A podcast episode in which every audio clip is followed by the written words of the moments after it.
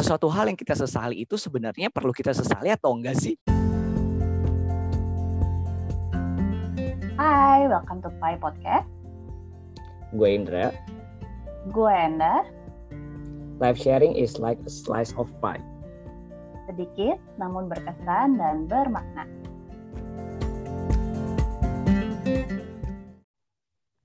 Halo semuanya. Hai, kembali lagi di Pai Podcast dengan Indra, Indra dan Enda. Iya. Nah, slice ini kita mau bahas yang seru-seru juga nih, teman-teman. Apa sih Yes. sebenarnya kita pengen kita pengen ngeandai-andai Andai sesuai dengan judulnya bahasa lu Iya. andai-andai apa sih bahasa berandai-andai, berandai-andai, Itu ngeandai-andai baru lagi. bener. Berandai-andai sesuai dengan judul slice kita hari ini, kita mau berandai-andai kalau kita bisa kembali ke masa lalu tepatnya di umur 18. Kenapa 18 sih, Dah? Ya, lo yang milih topik. Iya, kenapa 18 gitu ya? Jadi kita terinspirasi, Indra terinspirasi dari sebuah film. Gak tau deh, teman-teman Iya. penikmat ada yang nonton juga gak nih? Film judulnya 18 Again, Indra ya? Betul. Itu film itu film sebenarnya nggak sengaja sih dah gue nonton. Lo itu lu tahu film itu dari mana? Lo gue tanya lo dulu deh. Gue gue agak lupa ya. Kalau nggak salah itu tahun berapa sih Indra munculnya? Kayaknya gue nonton kayak tahun 2020 deh. Gue Iya, inget deh Gue film juga baru-baru ini nontonnya. Tapi kayaknya bukan film. udah lama ya? Enggak kayak 2020 setahu gue. Oh, oke. Kayak gue nonton itu barengan sama Chloe deh. Oh, Kalau nggak pokoknya salah. ya, ya, ya, ya. ya. Ya berarti kalau keluar ta- tahun segitu ya mungkin gue nontonnya juga 2020 Indra. Tapi sejujurnya gue Iya. sudah lupa ceritanya tentang apa. Seperti biasa lo yang lebih Jadi- ingat gitu ya. Baiklah. Jadi gue cerita dulu nih. Film ini em, gue nggak secara intentionally seeking dan juga gue nonton. Hmm. Jadi istri gue dulu yang nonton dan dia tahu genre film gue. Si Monik. Ah. Mm, Dia bilang mm, ini kayaknya film genre kamu banget, kayak kamu bakal suka. Nah akhirnya gue nonton dan ternyata, ternyata dan ternyata itu gue bilang bahwa film selain Chloe yang menurut gue paling berkesan di tahun 2020 itu buat gue. Oh, Gitu. Benar-benar Oke oke oke. dalam sih maknanya. Jadi eh, ceritanya inti ceritanya gini.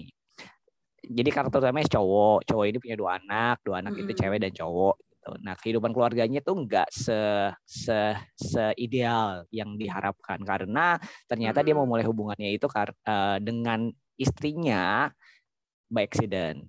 Karena dia Hmm. sudah eh, menghamili duluan sebelum dia married dan akhirnya hilang semua idealisme dia. Dia pebasket gitu ya karena karena dia dia harus nikah muda, jadi dia harus bekerja dan semua cita-citanya pupus. Mm, mm, mm, Dan kemudian akhirnya dia awalnya orang yang populer menjadi orang yang nggak populer.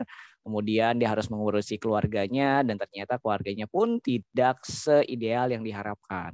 Ada faktor mereka ekonomi berdua juga itu ya kalau nggak salah ada ya. faktor ekonomi betul dan kemudian eh, kedua anaknya juga nggak deket sama sama ininya sama papanya dan karakter utamanya si papanya ini dan dia sangat menyesal dengan kehidupan yang sekarang dan dia berandai kalau dia bisa kembali ke masa dulu dan memperbaiki semuanya. Oke, Oke. nah kemudian miracle happen saat dia dia, dia eh, eh, penyesalan itu eh, berada di konteks dan di tempat di lapangan basket. Kemudian dia kesal, dia lempar bola basket itu kering. Kemudian begitu bola basket itu kering, tiba-tiba something happen. Mhm. Fisiknya berubah menjadi dia yang 18 tahun sebelumnya. Eh bukan 18 tahun, di usia 18 tahun. Ya. 18 again judulnya. Nah, walaupun dia fisiknya berubah jadi dia usia 18 tahun, tapi setting dan kondisinya berada pada waktu sekarang.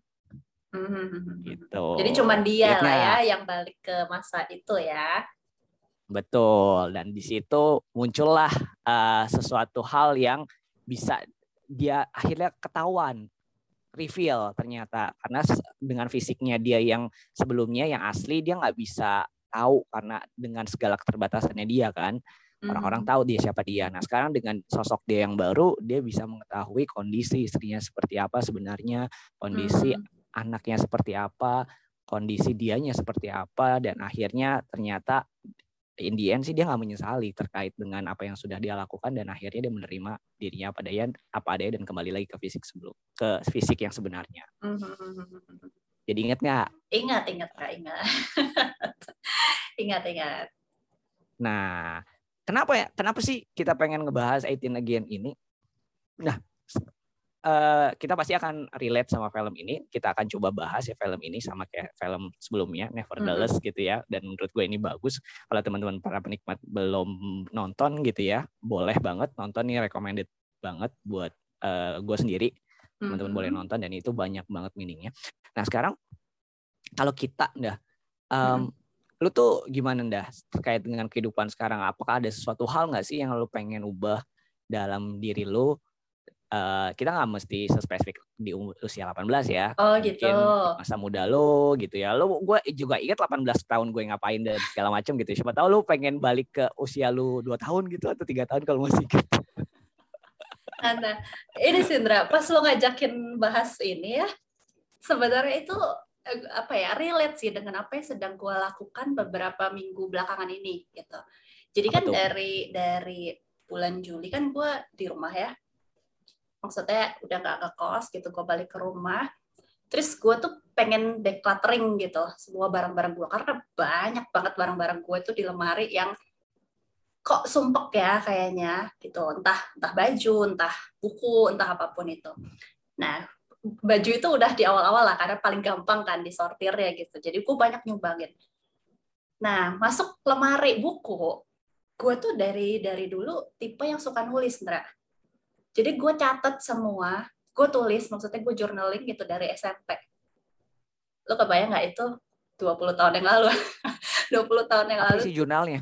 Nah, isi jurnalnya adalah cerita apa yang gue rasakan terhadap temen gue, terhadap guru, terhadap keluarga gue, temen gereja, apa pun, Dra, gue tulis gitu. Jadi Diary. iya, ya semacam itu gitu. Cuman masih gue simpen gitu sampai sekarang. Nah kemarin ini beberapa eh, minggu belakangan ini gue tuh nyicil buat gue bacain sobek-sobek buang gitu. Tapi gue baca dulu nih, gue baca dulu. Tapi lucunya, lucunya gitu ya, ketika gue baca, anjir gue aneh banget sih dulu, sampai bisa nulis kayak gitu gitu. Kayak gue tuh ngeliat, kok gue dulu sangat-sangat eh, mudah sekali marah misalnya gitu ya. Kok gue dulu mudah sekali untuk attach sih ke ke, ke cowok gitu misalnya.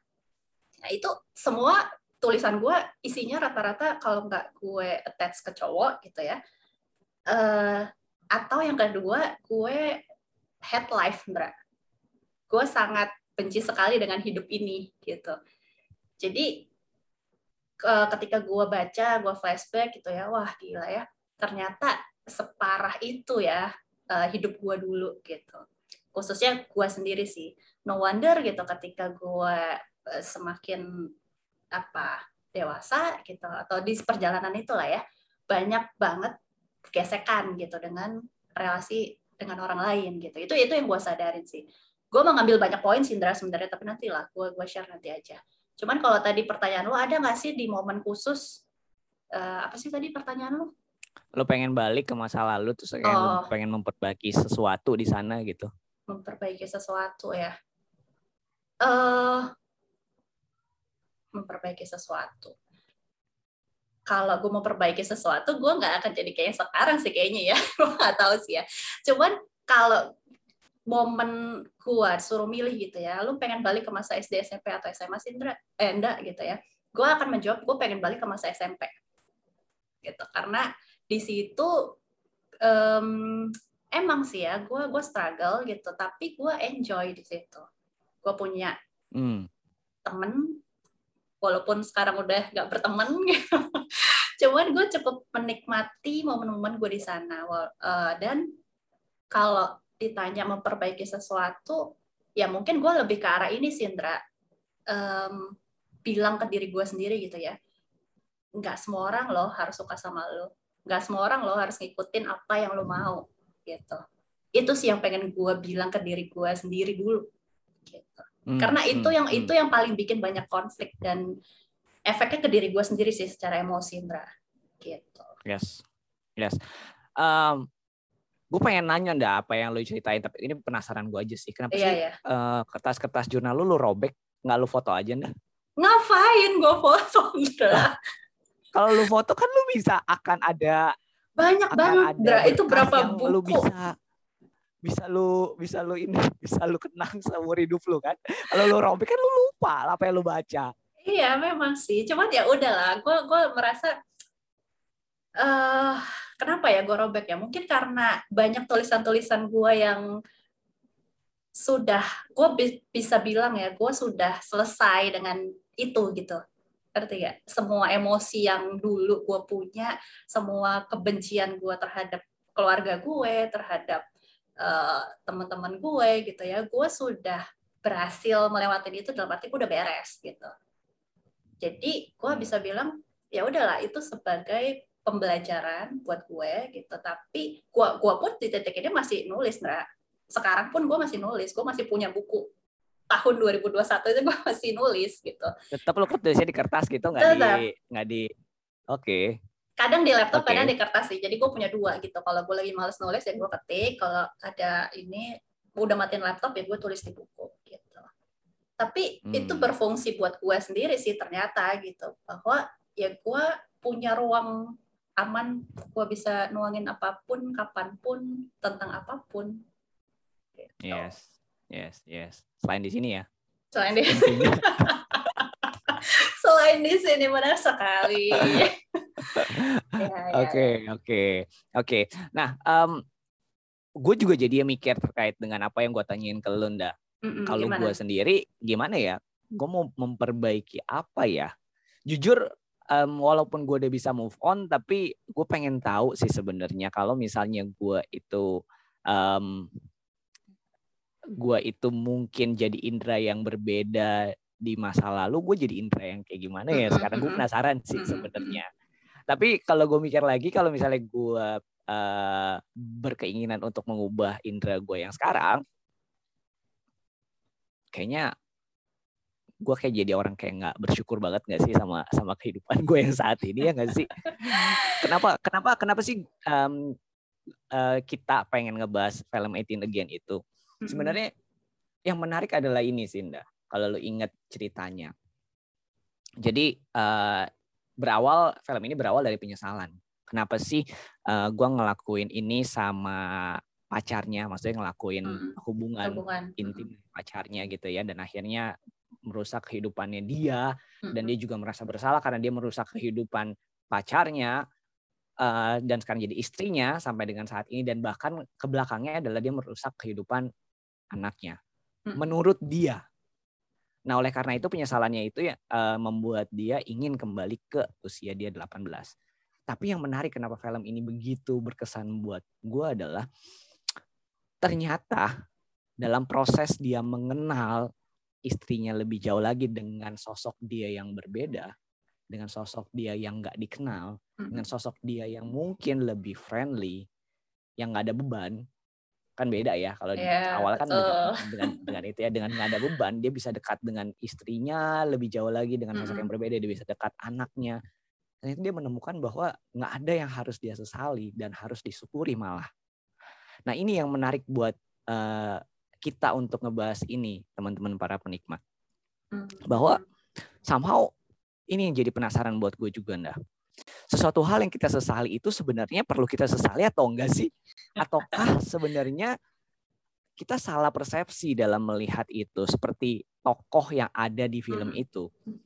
Bahwa ya memang dengan kita, dengan keterbatasan kita, dengan peran kita, dengan segala atribut yang ada di diri kita, kita melihat sesuatu hal yang kita lakukan adalah suatu hal yang salah bisa jadi.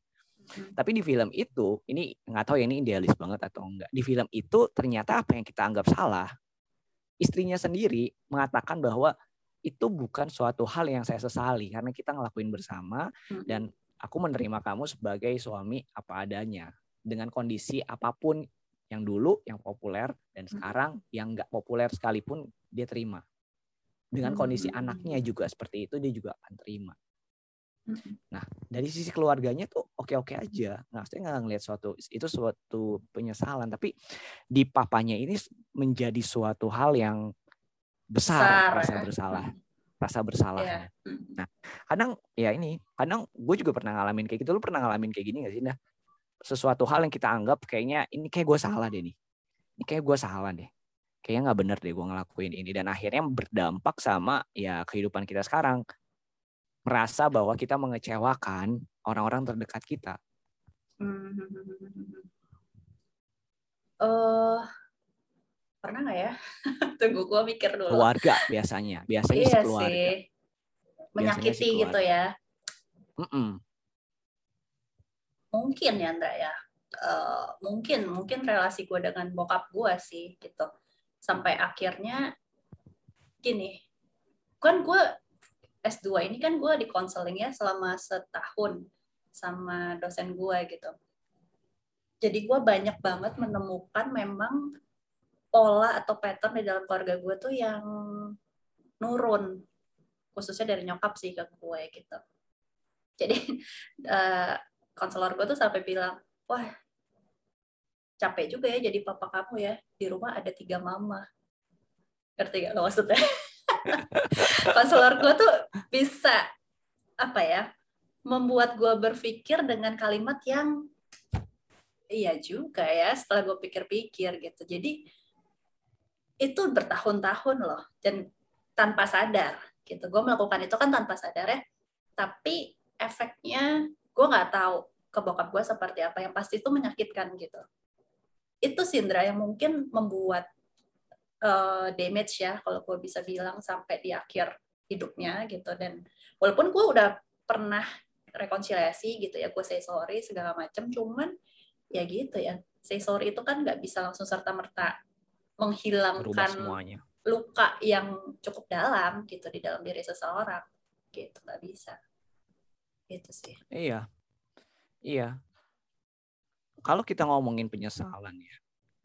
em, jadi muncul nih di kepala gue anda. Mm. Penyesalan itu sebenarnya baik nggak sih buat kita rasain? penyesalan mm-mm. gimana tuh menyesal kan kayak menyesal berarti kita merasa bersalah dan merasa apa yang kita lakukan apa yang sudah kita lakukan itu nggak benar Mm-mm. karena kenapa sih gue pengen nanya ini karena sebenarnya kita merasakan suatu hal emosi suatu hal pasti ada maksudnya kan ya Mm-mm. tapi somehow penyesalan itu destruktif ya nggak sih berasa nggak sih ada Destruktif ada kondisi buat tertentu, tertentu kita. buat dirinya sendiri Oh, buat oke. diri sendiri kadang-kadang mm-mm. juga mera- merasa bersalah itu eh, bisa jadi kalau berlebihan bisa jadi destruktif Betul. buat diri kita sendiri. Nah, tapi ada nggak sih sesuatu hal yang bisa kita ambil, bisa kita dapat positifnya terkait dengan rasa penyesalan itu? Ya mungkin secara klise ya orang-orang bisa jawab gitu ya. Kita juga bisa jawab ya biar Mm. lo nggak ngelakuin itu lagi. Tapi masalahnya teoritis masalahnya ya iya kalau tapi masalahnya ya kalau misalnya kita coba ya gampang deh misalnya eh gue nggak sengaja nyenggol sesuatu hal barang terus jatuh atau misalnya gue Mhm. nggak sengaja eh, tangan gue ke kegampar muka orang Mm-mm. gitu kan Mm-mm. Saya sorry menyesal dan nggak akan melakukan hal yang la- lagi itu lagi ya it easy kan Yes. gampang kan Nah Betul. sekarang balik lagi ke film tadi. Lo udah ngambilin anak orang, mau nyesel, lo bisa ngomong kayak gitu, maksudnya lo bisa, lo bisa ngelakuin, maksudnya ya gue feel sorry gue nggak akan ngelakuin itu lagi, orang nggak bakal bisa gue ngulang Iya. kayak gitu lagi gitu loh.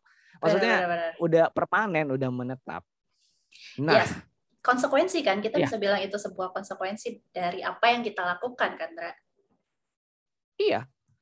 Dan apakah kalau misalnya dengan kondisi yang sangat ekstrim itu, Mm-mm.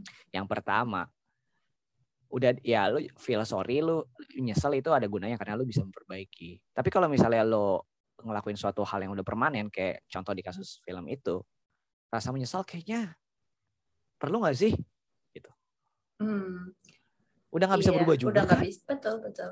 Tinggal gimana caranya menghadapi konsekuensi itu kan yang harus dipikirin sebenarnya. Cuman nggak tahu ya Yes. kalau misalnya dia kan menyesal juga udah di tahun pernikahan kesekian gitu kan sebenarnya Indra. Di titik dia ada masalah dengan istrinya, di titik dia juga ada masalah ekonomi juga dengan kerjaannya. Ada ketakutan-ketakutannya dia sendiri juga ya yang mempengaruhi itu kan. Itu triggernya dah. Tapi ke menyesalnya dia tuh sudah berawal saat dia memutuskan untuk uh, merit. Merit. Hmm. Uh -uh. Jadi dia uh, menyesalnya dia tuh adalah itu. Kenapa sih ngelakuin itu? Walaupun memang uh, ekspresinya pertama kali dia bilang saya akan bertanggung jawab, saya akan bertanggung jawab gitu. Saya akan bertanggung jawab akan hal ini. Tapi ya dia merasa bersalah banget kenapa gue ngelakuin itu. Karena hmm. itu jadi merubah merubah banget kehidupannya dia sendiri sebagai basket yang populer di iya, awal. Yeah, yeah, yeah. Jadi nggak bisa ngapa-ngapain juga dia. Nah, lu sendiri pernah nggak nyesel? Gue nyesel. Sesuatu? banyak maksud gue adalah waktu dalam proses kehidupan gue kalau gue nyesel sama sesuatu banyak kayak contoh kayak contoh yang paling simple ya paling related buat gue ini kondisi feeling gue um, saham lagi turun nih kenapa gue nggak beli ya nyesel gampang kan terus besoknya naik kenapa gue nggak beli ya kemarin nyesel gue kenapa nggak beli ya kan Iya iya iya. nanya ya, gue ya. paling related saham apa? ya saham paling related ya. gue, ya kan? Kemarin gue tahu kan nih, nih harga lagi turun. yang cuma beli, gitu. sedikit, drama step penyesalan yang lu sampai kepikiran gitu ya, sampai damage ke diri lu sendiri gitu kan. Kalau itu mah cuman um, ya gue juga nyesel. Ntar kalau masalah saham. ya kan lu kan nanya lu nih nyesel. ya ya ya ya kan nah oke okay, yang damage ya yang damage um, um, oke okay, dulu dulu mm -hmm. jadi ini gue nggak tahu ya feeling gue sih mitos ini super station gue ya tapi somehow itu kena banget buat gue ya terkait dengan kondisi fisik gue mm. jadi um, ya orang bilang orang bilang walaupun memang ya faktanya adalah memang keturunan gue juga orangnya nggak tinggi tinggi papa mama gue juga nggak tinggi tinggi hmm. tapi gue berharap bahwa ya pasti setidaknya harusnya gue lebih tinggi dari bokap nyokap gue tapi sama bokap gue ya bokap gue lebih tinggi dikit bahkan gue masih lebih hmm. pendek dari dia nah segala usaha kan udah gue lakukan gue sempat cerita di slide slide sebelumnya hmm. nah cuman nggak sedikit orang ngomong nah ini mungkin para penikmat bisa kasih info nih kayaknya bisa kayak ini bener apa enggak orang nggak sedikit orang ngomong karena gua atlet pelari sebelumnya dan membuat kaki gua besar itu menghambat gua tumbuh ke atas katanya iya. seperti itu nah itu lu juga nanya bilang kayak gitu kan emang uh, uh. nah itu gue juga gak tahu nah hmm. somehow okay. juga gue jadi menyesal karena karena kenapa gue menyesal hal tersebut karena semua sudah gue lakukan dah apa pun hmm. itu minum hmm. obat kemudian badan gue ditarik-tarik kemudian gue olahraga hmm. semua aspek udah gue lakukan karena memang gue punya pengalaman dibully jadinya pasti motivasi gue untuk lebih tinggi kan jauh hmm. lebih besar nah penyesalan gue waktu itu dari sejak SMP sampai dengan SMA awal yaitu um, kenapa gue gak bisa tinggi sih kenapa gue gak tinggi sih kenapa gue jadi pelari sih tau gitu gue gak mau jadi pelari dan sebagai hmm. macamnya biasalah anak-anak galau pada waktu itu kan Ya, ya, ya. Ya, itu ya, penyesalan gue. Hmm. Tapi nggak bisa diapa-apain. Betul. Gak bisa nah, makanya, nah makanya itu gue, ya itu dia. Ini yang masih penasaran sama gue sendiri. Apakah kalau misalnya udah nggak bisa diapa-apain, udah nggak bisa berubah, it's not necessary to feel sorry, it's not necessary to feel nyesel gitu loh. Nggak, nggak usah lu nggak usah nyesel deh gitu Iya, nyesel tuh pasti mungkin ada di awal-awal kayak kayak kita dulu ya Andra ya, tapi kan memang uh, along the process itu kan ya lu berdamai lah ya dengan lu dengan kondisi lu, gua dengan uh, keluarga gua gitu. Kita kan ada proses berdamainya itu loh. Orang nyesel, orang pengen balik itu kan karena belum terima realitanya kan.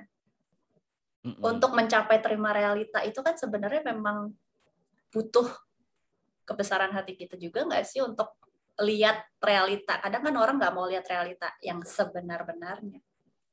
Hmm, hmm, hmm, hmm. Gitu. Oke, oke. Jadi kalau nggak gua nggak salah tangkep ya apa yang lo ngomong. Jadi nyesel itu perlu sebagai bridging orang bisa menerima realitanya. Kalau nggak ada menyesal, orang itu mungkin nggak bisa menerima realita apa adanya dan merasa bahwa harusnya gue nggak begini, harusnya gue nggak begini dan dia Iya, terus pasti akan terus untuk berusaha merubah untuk- dirinya. Betul. Oke, oke. Menurut gue Oke, loh ya. sama seperti ya ya gue jadi gue juga jadi dapat terkait dengan apa yang lo maksud gitu ya benar Mm. juga kalau misalnya orang nggak merasa nyesel dia akan terus berusaha mengejar apa yang sebenarnya irasional Yes. untuk dia lakukan gitu Iya, padahal realitanya udah gak bisa dia papain. ya ngapain Kayak misalnya gini deh, lu putus gitu ya dari seseorang, lu pengen balikan, tapi dianya udah gak mau. Lu nggak bisa ngubah orang kan?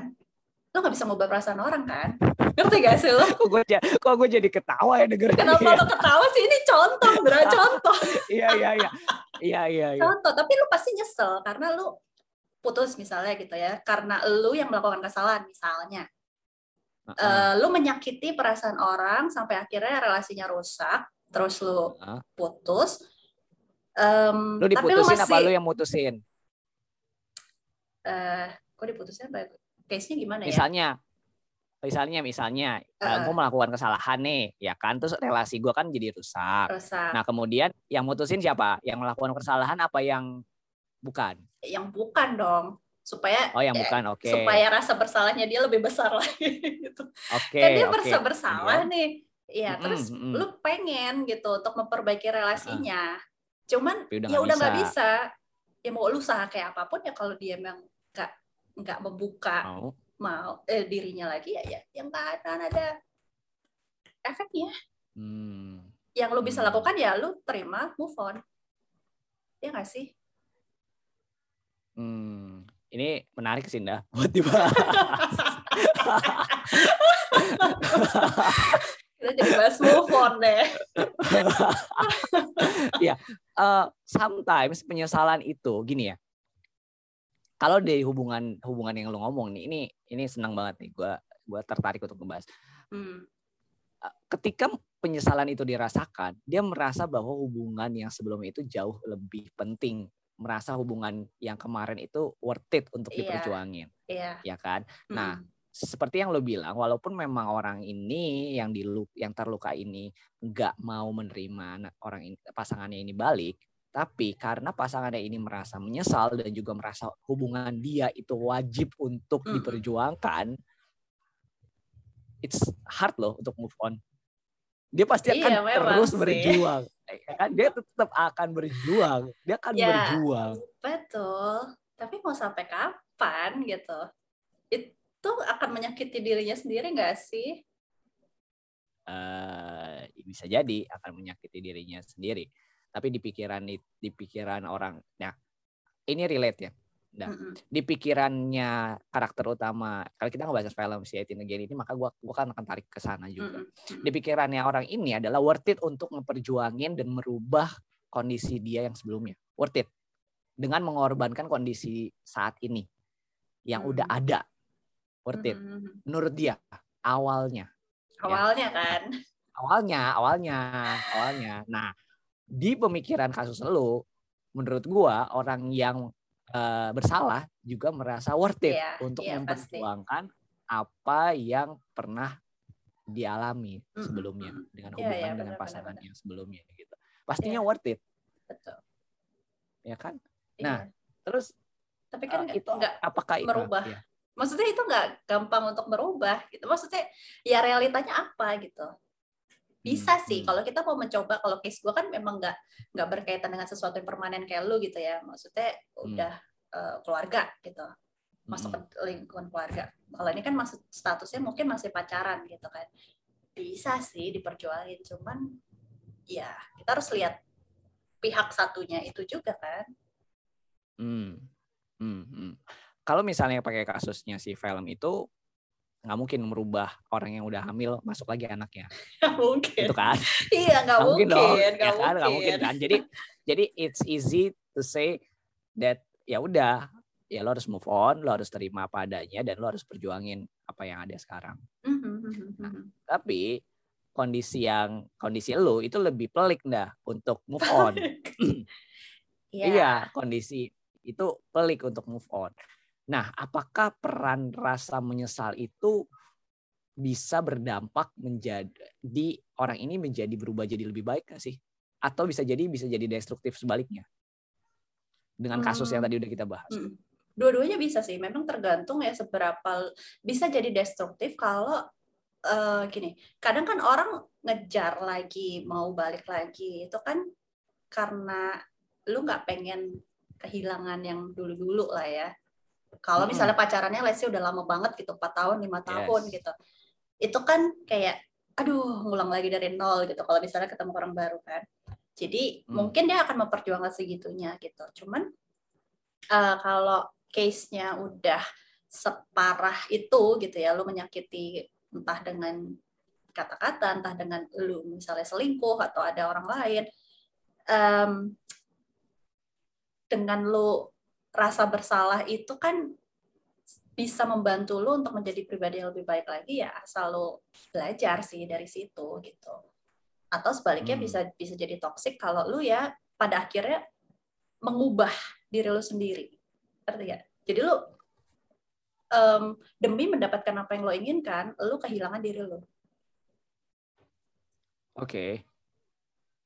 gitu. Oke, padahal orang berpikir bahwa dengan dia berusaha mempertahankan apa yang menjadi keinginan dia, dia bisa menjadi dirinya sendiri. Padahal efeknya bisa sebaliknya ya. Bisa ya. sebaliknya, iya. Jadi lu Hmm. kayak ya udahlah, gak usah pentingin diri sendiri, yang penting gua bisa sama dia, misalnya gitu. Hmm. Hmm, hmm. Oke. Oke. Em, ini masuk bagian akhir yang pengen gue pengen bahas. Ya, gue pengen bahas. Em, menariknya adalah kenapa sih kita pengen angkat film ini dan juga kena ini yang pengen gue pengen tahu dari pendapat lo. Menurut lo dengan penyesalan biasa tujuan kita adalah mengubah situasi ya. Mm-mm. Gue berharap gue berharap situasinya nggak seperti ini Ya, dan gue menyesal situasinya bisa jadi seperti ini. Oleh karena itu gue pengen ngubah situasi ini supaya nggak seperti ini. Ya, Related sama film tadi, related sama kasus lo, dia pengen ngubah situasinya supaya tetap bisa jadian sama pasangannya. Mm-mm. Related sama film itu, gue pengen situasinya ngubah situasi ini jadi seideal yang sebelumnya. Mhm. Apakah realistis nah untuk menyesal dan dihubungkan dengan mengubah situasi? Menyesal dan mengubah situasi. karena ya bayangan gue kenapa gue eh, come up with this ya karena gue dapetin teman-teman dan juga gue juga ngerasain bahwa penyesalan itu ujung-ujungnya adalah gue pengen ngubah situasi bener gak sih atau mungkin ada masukan lagi yang lain gue menyesal dan gue pengen ngubah situasi Hmm, rata-rata sih seperti itu ya. Ketika menyesal gitu maksudnya. Iya, iya, iya. Terus, terus. padahal yang harus diubah bukanlah situasi Tapi diri sendiri. respon kitanya bener gak sih Iya, respon kita ya terhadap situasi itu. Ya juga ya, make sense sih. karena gue mikirnya gini dah kalau kita fokus sama perubahan situasi tanpa disertai dengan perubahan diri kita situasi itu akan terus berulang terjadi dengan mode dan bentuk yang lain. Benar. tetap Benar, aja benar, benar, kita benar. tetap sama gitu kan. Karena kitanya Mm-mm. tetap sama. Jadi ya lu menyesal iya terkait dengan uh, apa yang udah lu lakukan. Lu berharap untuk merubah situasi itu. Oke. Lu berjuang untuk merubah situasi itu. Tanpa disertai dengan perubahan diri lu sendiri itu sia-sia menurut gua. Karena ya mungkin lu bisa merubah situasi bisa bisa ngerubah situasinya tapi lo akan ngelakuin mungkin akan ngelakuin hal yang sama di kemudian hari dan situasi itu akan terus berulang dan lo akan tetap terus menyesal dan menyesal kembali menyesal kembali dan menyesal lagi gitu Wow, luar Nah. biasa sekali kesimpulannya. Udah closingnya dari lo aja, Ndra. Enggak deh, terus-terus.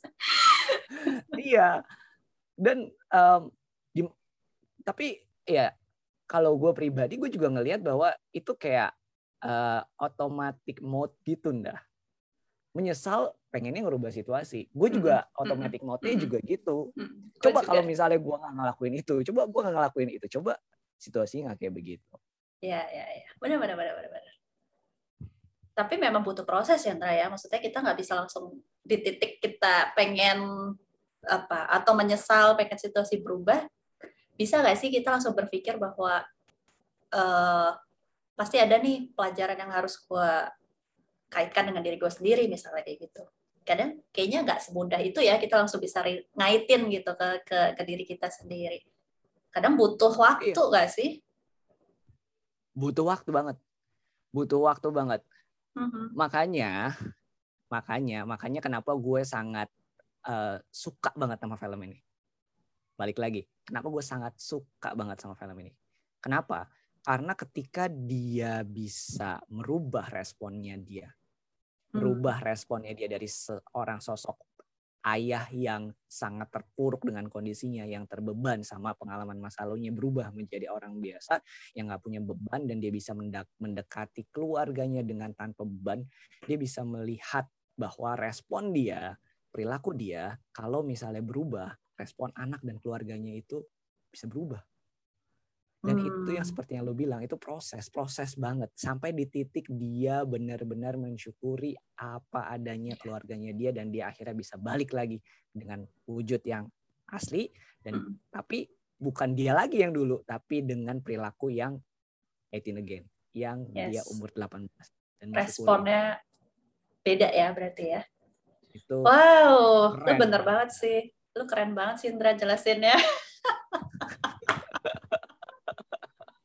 gue gak kepikiran sih. Iya iya iya ya. benar benar benar benar tapi ya itu, semuanya balik lagi sih ya. Diri kita sendiri lah ya berarti ya bisa dibilang. Iya. Iya.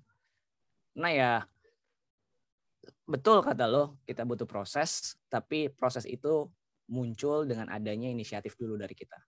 Ya. harus dimulai dari kita dulu. Karena kalau misalnya fokus kita untuk mengubah situasi tanpa disertai dengan perubahan diri kita yaitu useless Betul. percuma percuma. Betul, karena betul, orang betul. lain akan melihat diri kita yang sama dan ya itu akan terus berulang. Mm-hmm. begitu Edna. Luar biasa ya, sekali bapak kita mesti cari film lagi deh yang lain nih. Lu buruan nonton film yang kemarin gue rekomen rekomenin tuh iya iya. Iya iya iya ya, cuma ya. 8 episode gua... itu. Ntar kita bisa bahas iya. dari situ tuh. Menarik banget itu. Oke okay, oke. Okay. film gue udah habis nih. Penthouse udah habis. Penthouse lu Korea semua. Enggak, Jepang gue juga nonton eh, itu iya, Alice in Borderland eh, juga bagus. Itu juga Tapi, bagus. Ya, per, apa ya persahabatan lah ya itu ya Alice in Borderland. Seru lah, seru lah games juga. Oke lah. Ah, kita akan ya bahas film-film yang lain. Betul ya. sekali lagi-lagi kita ingetin buat teman-teman para penikmat kalau ada ide, mungkin ada film yang recommended yes. banget buat kita bahas. Kayak film suka nonton film nih. Oh, i gitu. Ya nggak mesti Korea gitu iya, walaupun eh, nggak uh, mesti Korea lah, nggak mesti Korea. Kalau ada film-film apa yang bagus, boleh banget kita dikasih tahu. Nanti kita mungkin akan bahas. Mm-hmm. Ya, teman-teman bisa DM ataupun bisa email di pipodcastpie@gmail.com dan juga di IG kita di mana Nda? Di pi.podcast. Itu IG kita. Kita tunggu ya. Uh, entah sharing atau masukan gitu ya tadi atau rekomendasi film. Itu aja yes. buat slice kita yang ke ke berapa sih Indra? Ke sembilan ya? Sekian. Sekian. Sampai jumpa di slice berikutnya. Bye-bye. Bye.